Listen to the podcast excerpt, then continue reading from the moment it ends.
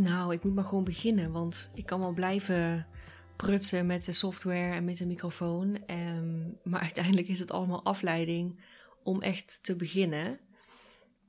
Dus uh, welkom bij de Geboortetrauma Herstel Podcast, uh, aflevering 1. Um, ehm, ik had op Instagram in stories gevraagd of mensen een suggestie wilden geven voor een onderwerp voor de eerste aflevering. En ik heb veel goede en uh, waardevolle suggesties gekregen. Maar eigenlijk was dat voor mezelf alleen maar um, uitstel van wat ik eigenlijk al wist. Namelijk dat voor de eerste aflevering moet ik gewoon mijn eigen verhaal vertellen. Dat is waar het mee moet beginnen. Um, deze podcast is ook wel informatief, maar niet alleen. Het gaat ook gewoon over mij. Dus ik begin vandaag met het vertellen van mijn eigen verhaal. En ik geef nog eerst even een klein beetje achtergrond voor ik begin. Want dat vind ik wel eh, belangrijk. Um, wat ik ga doen is ik ga een document voorlezen wat ik heb geschreven toen mijn zoon net een jaar oud was. Ik had namelijk een, uh, um, een traject, een Heal Your Birth traject gewonnen via een Instagram Live. Um, en voor de eerste sessie was het de bedoeling dat ik het hele verhaal zou opschrijven. En dat had ik eigenlijk nog nooit tot dan toe gedaan. Wel stukjes en, en samenvattingen en een beetje afhankelijk van met wie ik aan het praten was. Uh, meer of minder details. Maar ik had het nog nooit helemaal van begin tot einde opgeschreven. Ik ben altijd wel een schrijver geweest, maar ik vond het heel heftig. Naast dat ik ook gewoon een heel druk eh, leven had natuurlijk met een baby. En ik was exclusief aan het kolven fulltime. Dus dat was ook, dat zat gewoon heel veel tijd in. Um, maar vooral was het zo dat het opschrijven maakte het ook op een bepaalde manier heel definitief. Zo van dit is wat er is gebeurd. Dat is natuurlijk rationeel gezien niet logisch, want het was altijd al gebeurd. En uh, in mijn gedachten was het al meer dan een jaar bijna dagelijks uh, zich aan het herhalen in mijn hoofd. Um, door middel van flashbacks en soms zelfs herbelevingen. Uh, het verschil daartussen zal ik nog wel een keer uitleggen, maar niet nu. Um, dus ja, en wat ik dan graag doe, of hè, de, de coping die ik dan heb als iets moeilijk is, is vermijden. Dus wachten, wachten, wachten tot het allerlaatste moment, vlak voordat ik ging naar die sessie. En toen heb ik, ik had echt maar een half uur voordat ik moest vertrekken. En ik wist, um, dat is echt kort. Dus ik heb het lettertype, zeg maar, op wit gezet, zodat ik niet kon zien wat ik schreef, zodat ik niet kon gaan aanpassen en, en typfoutjes uh, um, corrigeren. En ik ben gewoon echt gaan rammen op het toetsenbord. Ik kan gelukkig blind typen, dus ik, ik ben gewoon gaan typen.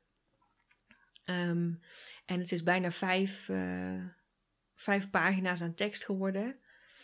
En um, ik heb die toen in de sessie uh, ja, helemaal voorgelezen. En dat was echt heftig dat had ik ook helemaal niet door. Ik dacht dat ik het zelf zou in stilte zou lezen of zo. Maar het was echt de bedoeling dat ik het voor ging lezen. En ja, emoties die dan, uh, die dan omhoog komen. Uh, om daar dan uh, bij stil te staan en, en zo. Um,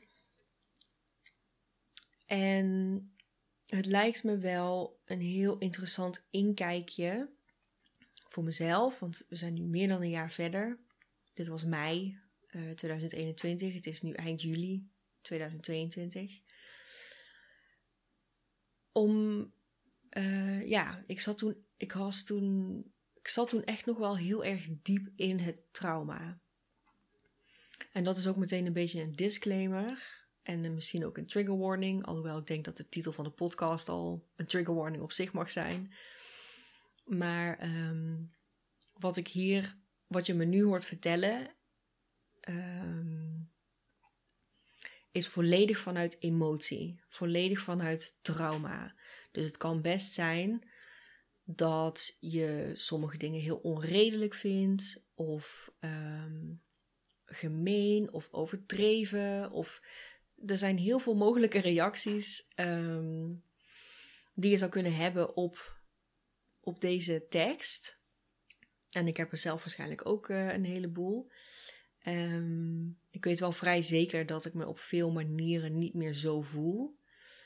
Ook in de, wat betreft wie heeft schuld aan wat. Want ja, dat was wel best wel een heel groot onderdeel van voel ik mezelf schuldig of geef ik de schuld aan iemand anders?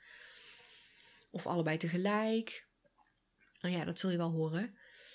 Um, maar ja, wat ik dus eigenlijk wil zeggen is, dit is een momentopname van vlak na de eerste verjaardag van mijn zoon, die heel heftig was. En waarin ik dus erg diep in mijn trauma zat.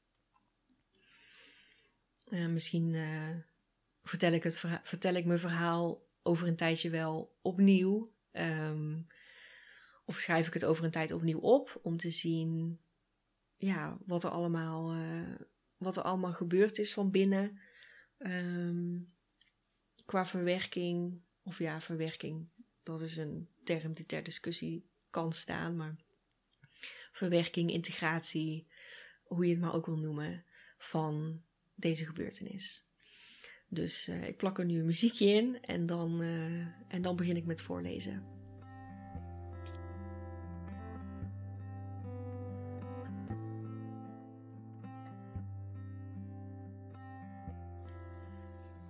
Eén uur s'nachts, donderdagochtend.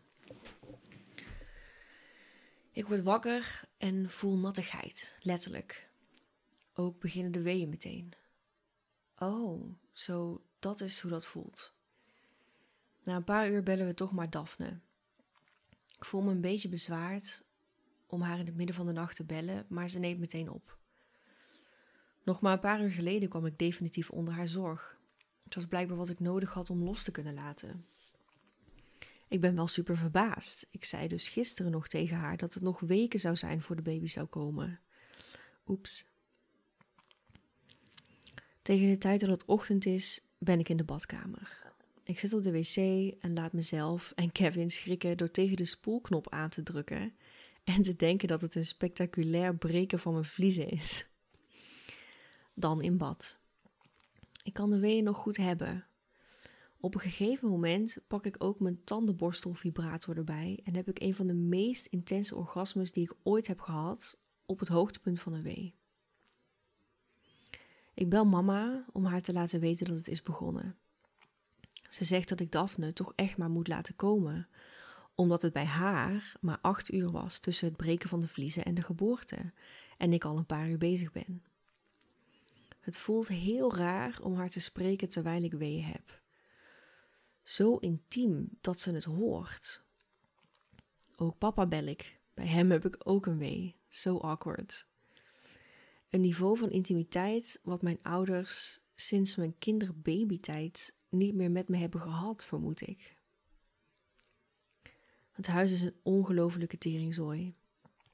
Kevin gaat het bevalbad opblazen en uitzoeken, wat fijn is, maar ik wil liever dat hij de hele tijd bij me blijft. Om een uur of drie komt Daphne aan. Hoe veilig en vertrouwd ik me ook bij haar voelde vanaf het moment dat ze voor het eerst de telefoon opnam.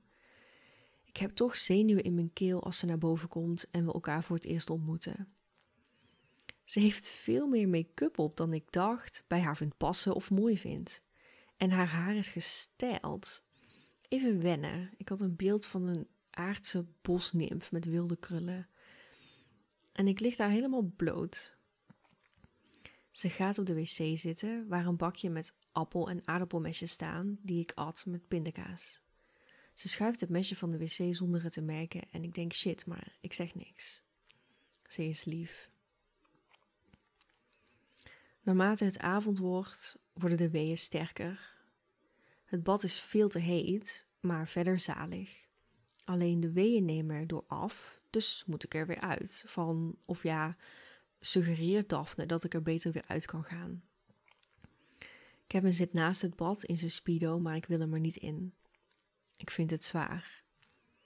En in mijn achterhoofd heb ik natuurlijk ook de altijd aanwezige 24 uur infectiegevaar bij gebroken vliezenregel. Dus 1 uur s'nachts is een soort deadline die genadeloos dichterbij kruipt. Ik begin de moed te verliezen. Daphne stelt dingen voor en voor het grootste gedeelte doe ik maar wat ze zegt. Soms met frisse tegenzin, want waarom zou ik uit dat heerlijke bad willen stappen en meer pijn opwekken? Maar oké. In de douche, schudden, auw, what the fuck? Naar bed met Kevin, vrijen. Hier moet ik overgeven en nog is Kevin blijkbaar niet zodanig daarvan afgekeerd dat hij niet met me wil vrijen. We halen de draagdoek en Daphne gaat me schudden. Holy fuck, nee, veel te heftig. Auw. Op handen en knieën schudden. Fuck, fuck, fuck. Op de bal, wow, dat voelt kut. De tens aangesloten, dat helpt wel een beetje.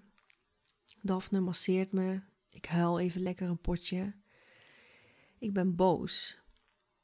Comfort measures waar iedereen het over heeft, die zouden toch comfort moeten bieden, niet het erger maken? Ik probeer dit uit te leggen, maar ze lijkt me niet te snappen. Op een gegeven moment sta ik dan toch maar een touché toe, maar ik wil niet weten hoe ver ik ben. Ik lig in bad en duw mijn heupen omhoog. We bieden haar meteen de lange handschoenen aan en ze lacht. Wat een onzin. Ik denk dat ik nog nooit zo zachtaardig iemand bij me naar binnen heb voelen gaan. Ze is lief, ik vertrouw haar. Het voelt fijn. Op een gegeven moment begin ik om een ruggenprik te vragen. Ik ben moe, teleurgesteld, desillusioned en verdrietig om alles. Daphne stelt voor om eerst de vliezen te breken, omdat dat vaak de weeën heel erg kan helpen sterker te worden. Nee, geen interventies. Alhoewel het feit dat zij erbij is natuurlijk ook al de eerste interventie is. Het is inmiddels een uur of één s'nachts. Ze stelt voor dat ik naar bed ga met Kevin om te slapen. Soms kan rusten net die kick geven. Geen idee hoe ze het voor zich ziet dat ik kan slapen op deze manier, maar oké, ik wil niet naar het ziekenhuis. Maar ik ben totaal niet in staat om met de weeën om te gaan op een manier die voelt alsof ik het kan handelen. Na een paar uur, langer dan ze zei, komt ze naar boven. Ze zegt dat ze echt niks meer kan bedenken. Ze zegt het niet letterlijk, maar de enige optie voor haar die nog over is, is om naar het ziekenhuis te gaan als we niet eerst de vliezen breken. Ineens wil ik mama. We bellen haar en ze staat binnen een half uur op de stoep. Het is drie uur. Daphne breekt de vliezen op een wee met een soort haaknaald. Daarna gaan we weer schudden. Alles om niet naar het ziekenhuis te hoeven. Fuck, fuck, fuck. Kevin is fantastisch. Hij wijkt geen moment meer van mijn zijde. Elke keer dat Daphne de wee heeft aangezwengeld met het schudden, gooi ik me in Kevins armen. Ik hoor ze overleggen en onder de lamp van de afzuigkap kijken op het matje of het vruchtwater groen is of niet. Ik denk nog, dat licht is te geel, dan heb je geen accurate kleur. En ik weet ook, kut. Langdurig gebroken vliezen, niet vorderende ontsluiting, meconiumhoudend vruchtwater. Het is als een onvermijdbaar noodlot. We gaan nog een keer naar bed. Voel mama's onrust en zenuwen als ze weer naar boven komen. We moeten naar het ziekenhuis. Daphne praat, maar ik ben niet echt erbij. Ruggenprik, oké. CTG, ja, oké, whatever. Het is corona, dus ze mag niet mee. We hebben geen vluchtkoffer ingepakt, dus Kevin probeert wat dingen in te pakken, niet wetende waar alles ligt. Ik krijg weer een wee en ik rijd naar Kevin, maar mama duwt mijn arm weg, want Kevin moet de koffer inpakken. Ik ben woest op haar. Zij zou toch moeten snappen dat je een barende vrouw niets ontzegt? What the fuck? Kevin weet gelukkig de weg naar het ziekenhuis. Het is zes uur in de ochtend, het is licht, het is rustig op de weg. De tent helpt. Ik heb kleren aan die ik nooit draag, want alles wat me nu past zat net in de was. Ik hoop dat mama die ophangt voor ze gaat. Op de parkeerplaats is het leeg. We lopen naar de ingang met pauzes voor die fucking weeën. Dicht tot 7 uur. Fuck dit. Ik word steeds wanhopiger en wil huilen. Terug in de auto, omrijden naar de eerste hulpingang. Ze pakken een rolstoel voor me.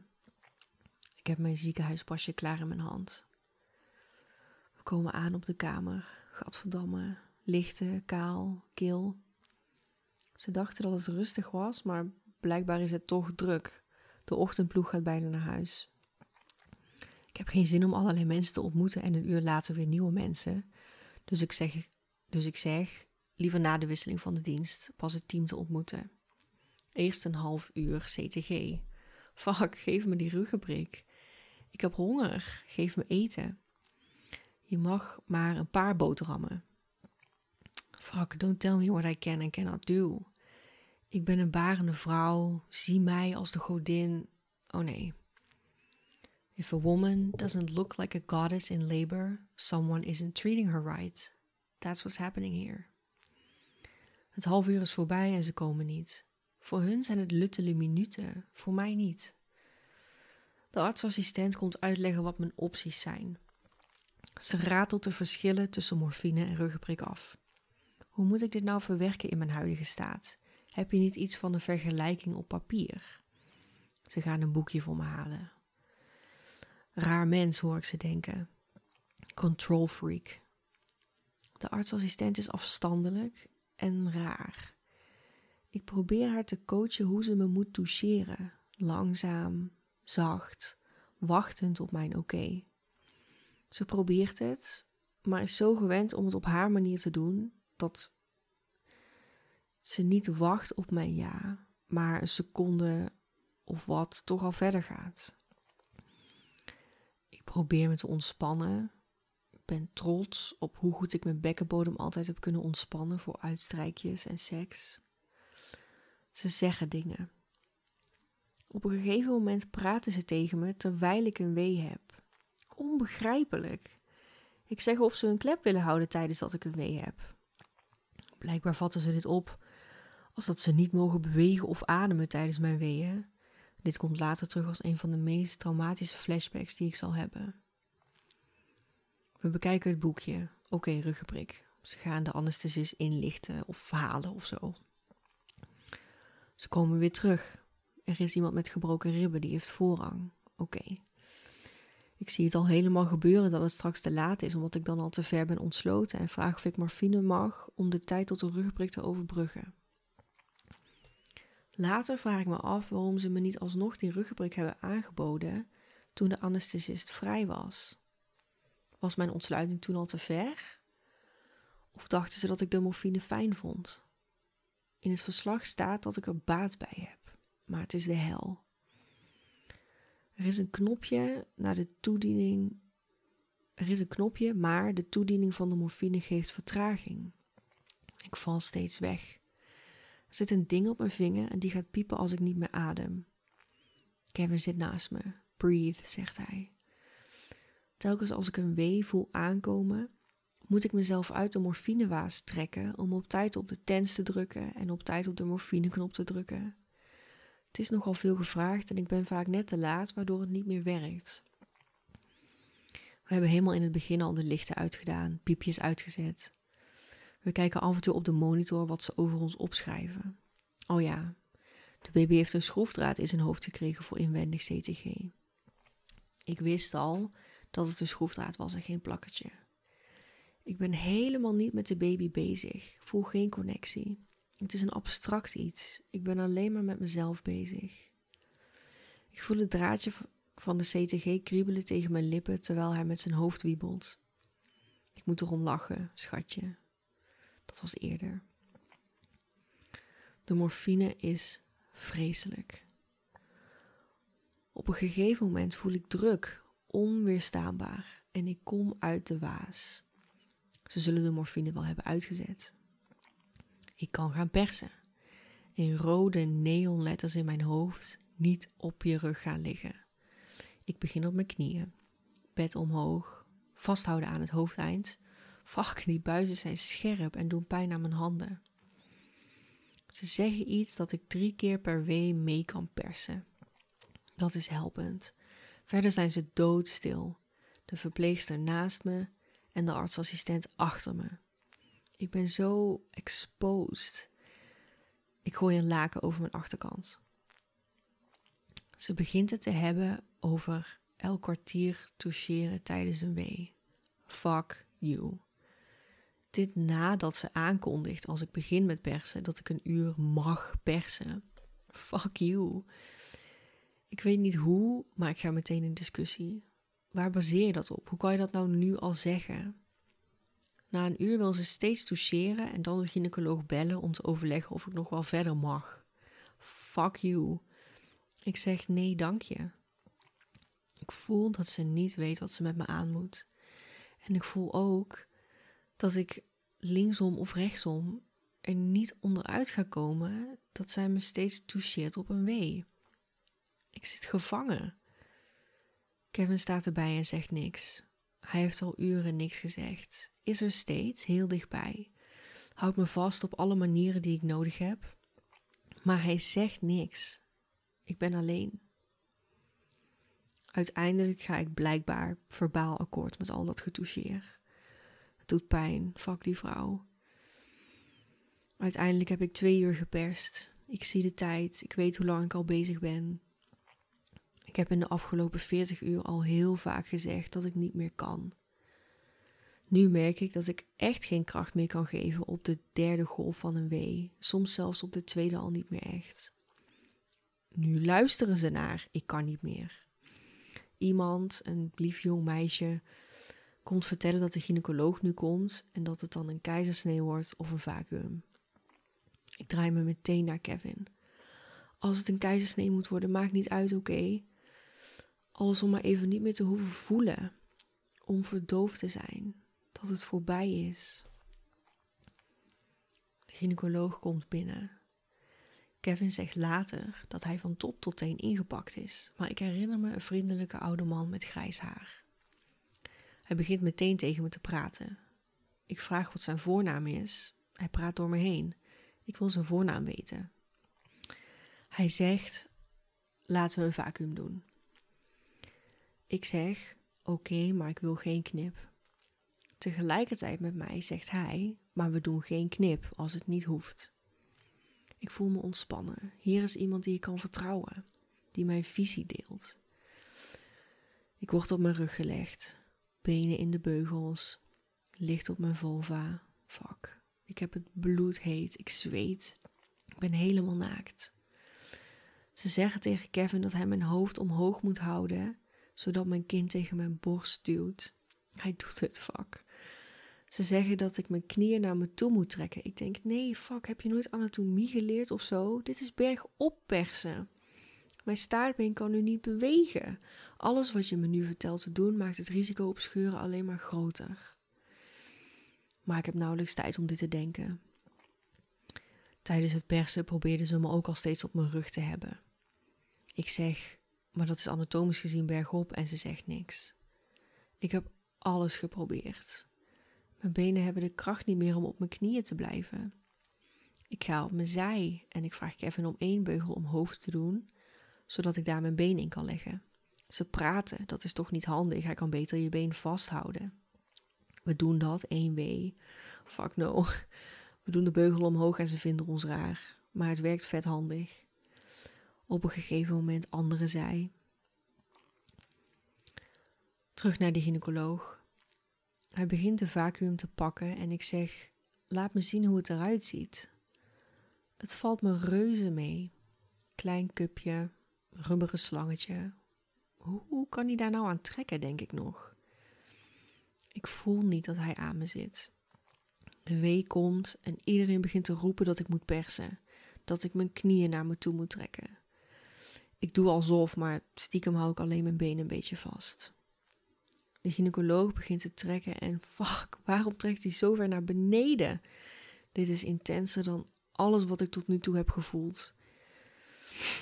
Ik moet meepersen. Op een gegeven moment, als de wee bijna voorbij is, stop ik. Hij zegt dringend: Is er nog wee? Is er nog wee?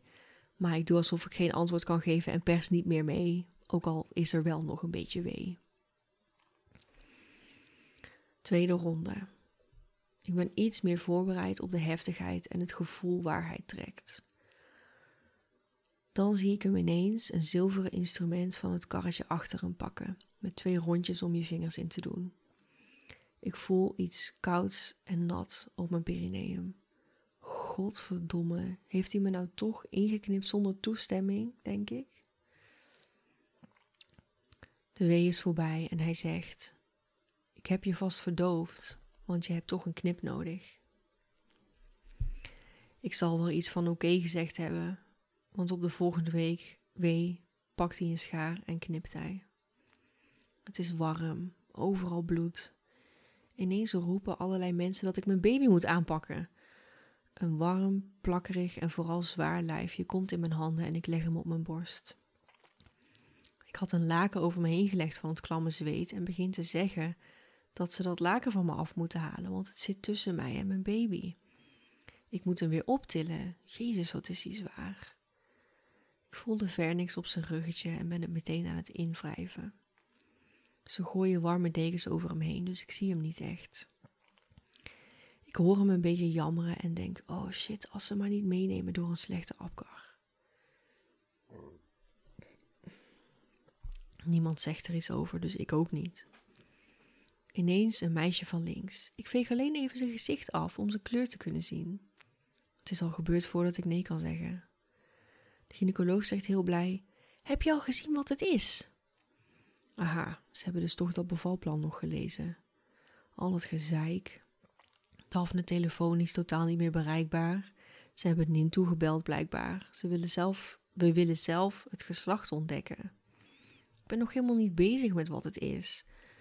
Maar ik til hem omhoog en zeg een jongen. En ik zeg meteen tegen Kevin: Oh, fijn. Dan kunnen we gewoon de vegan blauwe muisjes kopen zonder gezeik van mensen dat het de verkeerde kleur is. De artsassistent trekt aan mijn navelstreng. Hé, hey, wat doe je? Geen controlled cold traction? Ja, maar hij moet er echt snel uit nu. Ik doe heel rustig. Ik trek niet echt.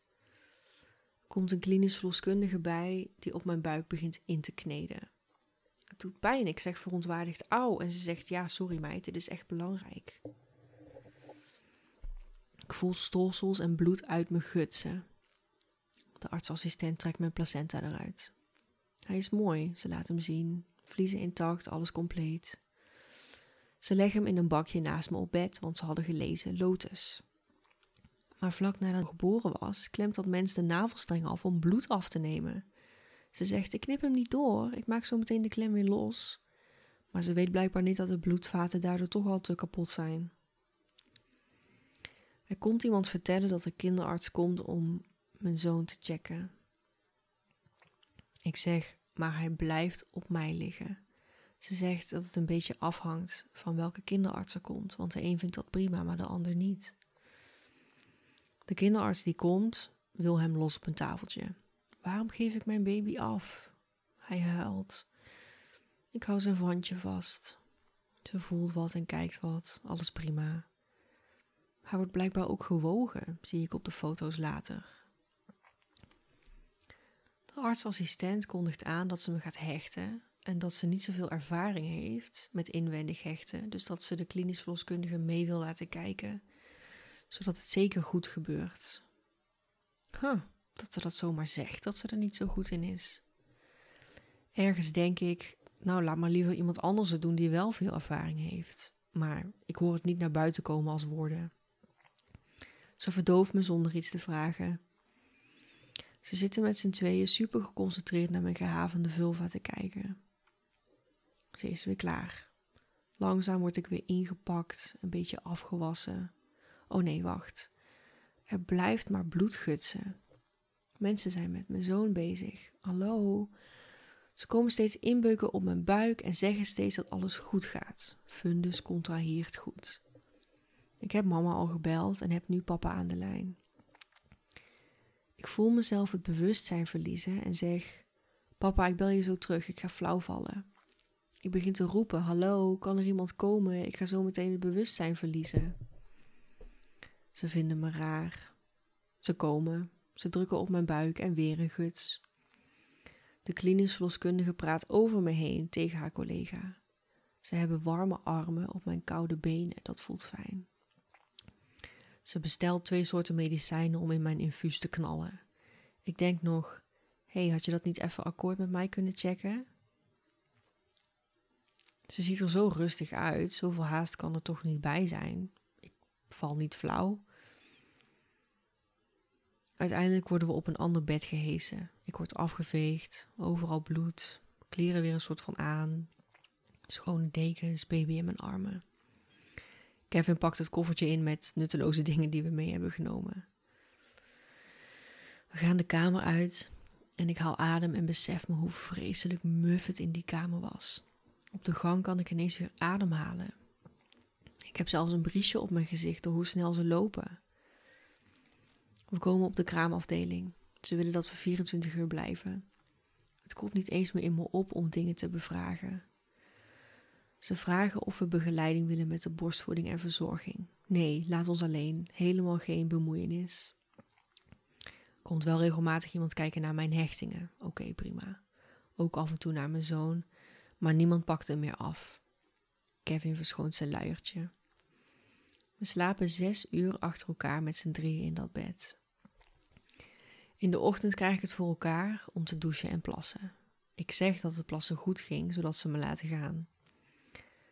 Mijn zoontje likt aan mijn tepels, maar drinkt niet echt. Ik maak me nog geen zorgen. Hij heeft genoeg reserve en ik heb colostrum in de vriezer. Mijn moeder brengt de spuitjes naar de parkeerplaats van het ziekenhuis en Kevin gaat ze halen. We gaan naar huis. Papa en mama komen langs. Papa heeft bloemen. Mama maakt een opmerking dat er dezelfde soort bloemen in het boeket zitten als de bloemen die hij voor haar haalde toen zij bevallen was. Ik zit daar met mijn baby. Hij begint te friemelen en huilen. Ik voel me enorm bezwaard om hem te proberen aan te leggen. Ze zitten naar me te staren, net zoals die artsassistent. Mama komt naast me zitten om naar mijn zoon te kijken. Nog erger, net zoals die artsassistent die achter me zat, die me zat te observeren als interessant studieobject, maar niet als mens. Ik hou mijn zoontje dicht tegen me aan en wil roepen dat ze allemaal op moeten flikkeren. Mama maakt nog het ziekenhuisbed op met Kevin in de woonkamer. We proberen erin te slapen, maar het gaat niet zoals in het ziekenhuis. Mijn zoontje heeft honger en hij drinkt niet. Morgen komt Daphne. Daphne zal het wel weten. Het huis is een teringzooi. Het bevalbad was overstroomd toen mama dat wilde legen. Alles nat. Ze heeft om twee uur s'nachts nog alles staan droogmaken. Voor me strekt zich een soort enorme leegte uit van oké, maar wat nu met die baby? Wanneer gaat hij dan drinken? Het huis is zo'n zooi, overal ligt zooi. Waar is Daphne? Hoe gaan we dit overleven?